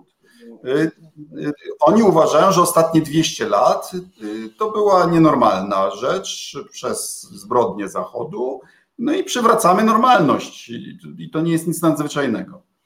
Bardzo mnie to martwi, że jest taki punkt zapalny, który w tej chwili wychodzi na czoło i przewyższa już Izrael w tej, w tej swojej funkcji. E, e, Nie, Czy jest jeszcze jakiś. ważniejsze od Izraela i Bliskiego Wschodu, bo tu naprawdę rozstrzygną się losy świata. A proszę powiedzieć, czy Unia Europejska, no, która już w tej chwili no, nie jest ani na pierwszym, ani na drugim miejscu jako centrum polityczne, gospodarcze i ludnościowe, czy może zachować e, na dekady status takiego bezpiecznego i zasobnego, zamożnego i demokratycznego terytorium? Czy w całej tej rywalizacji ta łódka też zostanie rozkołysana przez te e, geopolityczne burze i po prostu no nie będzie, nie ma szansy, żeby nasz, nasza chata była z kraja? W sensie gospodarczym Chiny, Stany Zjednoczone i Unia Europejska w tej chwili są prawie identyczne, jeśli chodzi o PKB. Około 14 bilionów y, dolarów czy euro y, każdy. Y, tylko oczywiście i, i Unia ma pewne przewagi. My jesteśmy supermocarstwem regulacyjnym. Stany Zjednoczone są supermocarstwem wojskowym, a, a Chiny jeszcze swojego potencjału nie, nie wypełniły, aspirują do tej roli. Unia Europejska, moim zdaniem, będzie sojusznikiem Stanów Zjednoczonych we wszystkich sprawach oprócz sfery wojskowej. I to będzie dla nas e, ten, ten, e, to zadanie. Jak pozostać sojusznikiem Stanów Zjednoczonych, ale nie dać się wciągnąć w tą wojnę. Mhm. No, I, trzeba mieć własną armię być niezależnym wojskowo. No, jestem autorem głównej e, polityki Europejskiej Partii Ludowej wobec Chin, która teraz będzie przyjmowana jako rezolucja całego Parlamentu Europejskiego i autorem propozycji stworzenia Legionu Europejskiego, czyli pierwszej ochotniczej jednostki europejskiej, która jest potrzebna e, e, po pierwsze do zabezpieczenia naszego sąsiedztwa na początku południowego, ale gdyby Stany Zjednoczone zaangażowały się na y, Dalekim Wschodzie, to nie miejmy złudzeń. To będzie ich pierwszy, drugi i trzeci priorytet. I legiony pójdą tam. I my musimy do tego czasu wytworzyć y, y, zdolności do obrony własnego terytorium. I tylko martwi mnie to, że są tacy, tacy powiatowi strategzy w Polsce, którzy, którzy, którym się wydaje, że Polska to zrobi sama. Znaczy nie mamy najmniejszych szans. Tylko jako tak, Europa możemy, Polski tylko jako Europa możemy w tym świecie trzech gigant, gigantów mieć jakiekolwiek szanse na, na zachowanie swojej autonomii i swojego sprawstwa. To bardzo jest y, trudne dla nas położenie. W tej chwili jesteśmy krajem bezbronnym i pozbawionym rzeczywistych sojuszników, a tym bardziej przyjaciół. Bez przesady przesady. Jeszcze, to, yy, znaczy, dzięki Bogu nic dramatycznego jeszcze się nie wydarzyło. No zobaczymy, kto będzie kanclerzem Niemiec. Angela Merkel była przyjaciółką. Dobry atlantysta, pan Laszet jest dobrym atlantystą i, i dobrym Europejczykiem. I, i, I niech PiS Panu Bogu dziękuję, że tego typu Niemcy nadal rządzą Niemcami, bo jeszcze mogą kiedyś tęsknić za nimi. No e, tak. Trzeba się z nimi dogadywać, a nie ich e, odsądzać od czci i wiary. No, w każdym razie, jako obywatel Polski, czuję się mm, bardzo osamotniony i, i, i, i niezabezpieczony e, przed potęgami tego świata. I bardzo liczę na, na zmianę. Nasza audycja dobiega już końca, Zwyczajem e, naszych programów jest e, taka wolna, swobodna wypowiedź gościa, urbi et orbi, takie przesłanie mm, bardzo ogólne i, i, i, wymierzone w przyszłość, bo być może słuchać nas będą też ludzie w dalszej przyszłości. E, no i chciałem zaproponować panu te kilka minut ostatnich na, takie, na taką wypowiedź. Bardzo proszę. Rozmawiamy w dniu, w którym nacjonaliści europejscy jednocześnie, pani Le Pen, pan Salvini, pan Orban, pan Kaczyński i, i, i, i inny plankton taki skrajnie prawicowy wystosowali wspólne oświadczenie. Więc jesteśmy teraz krajem rządzonym przez partię, która Y, która współdziała z proputinowskimi partiami we Włoszech, która jest jednocześnie post partią y, wnuków Mussoliniego. proputinowską, antyeuropejską partią we Francji, która, która jeśli dojdzie do władzy, to zniszczy Unię Europejską. Więc wydaje mi się, że maski opadają, że kończy się podział na Polskę liberalną i Polskę socjalną, że w najbliższych miesiącach będzie trzeba wybrać, czy chcemy zostać w Unii Europejskiej i budować y, społeczeństwo wartości z naszymi europejskimi sąsiadami, czy na złość babci, na złość y, Europejczykom, Stanom Zjednoczonym i połowie Polski, chcemy budować jakąś y, ultraprawicową utopię razem z panią Le Pen, z panem Salvinim i pod patronatem Putina. Znaczy, to jest realny wybór, jaki nas czeka i apeluję do Państwa, abyśmy mądrze wybrali. Bardzo dziękuję. Y, do mnie apelować nie trzeba, ale przyjmuję mm, ten apel i mam nadzieję, że nasz dzisiejszy gość nie powiedział jeszcze ostatniego słowa w polityce. Widzimy, że jest pełen werwy, krzepy, y, energii y, i no, liczymy, że jego wiedza i zdolności, kontakty jeszcze się nieraz naszemu krajowi przysłużą. Bardzo się cieszę, że no, będąc tak zajętym politykiem, europosłem, znalazł no, jednak spory kawałek czasu, żeby się z nami e, spotkać. E, liczę na to, że nasz program się rozpowszechni i wielu fanów Radosława Sikorskiego go sobie obejrzy, a wiem, że tacy fani są, bo sam nawet ich osobiście znam i pozdrawiam. A więc, drodzy Państwo, naszym gościem był e, pan minister i marszałek E, Radosław Sikorski, któremu bardzo dziękuję i dziękuję również Państwu. Do zobaczenia. Dziękuję, szalom, szczęść Boże. Szczęść Boże, szalom. Reset Obywatelski. Podobał Ci się ten program?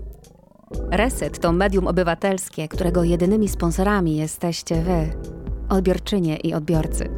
Wesprzyj nas na zrzutka.pl i pomóż budować niezależne medium.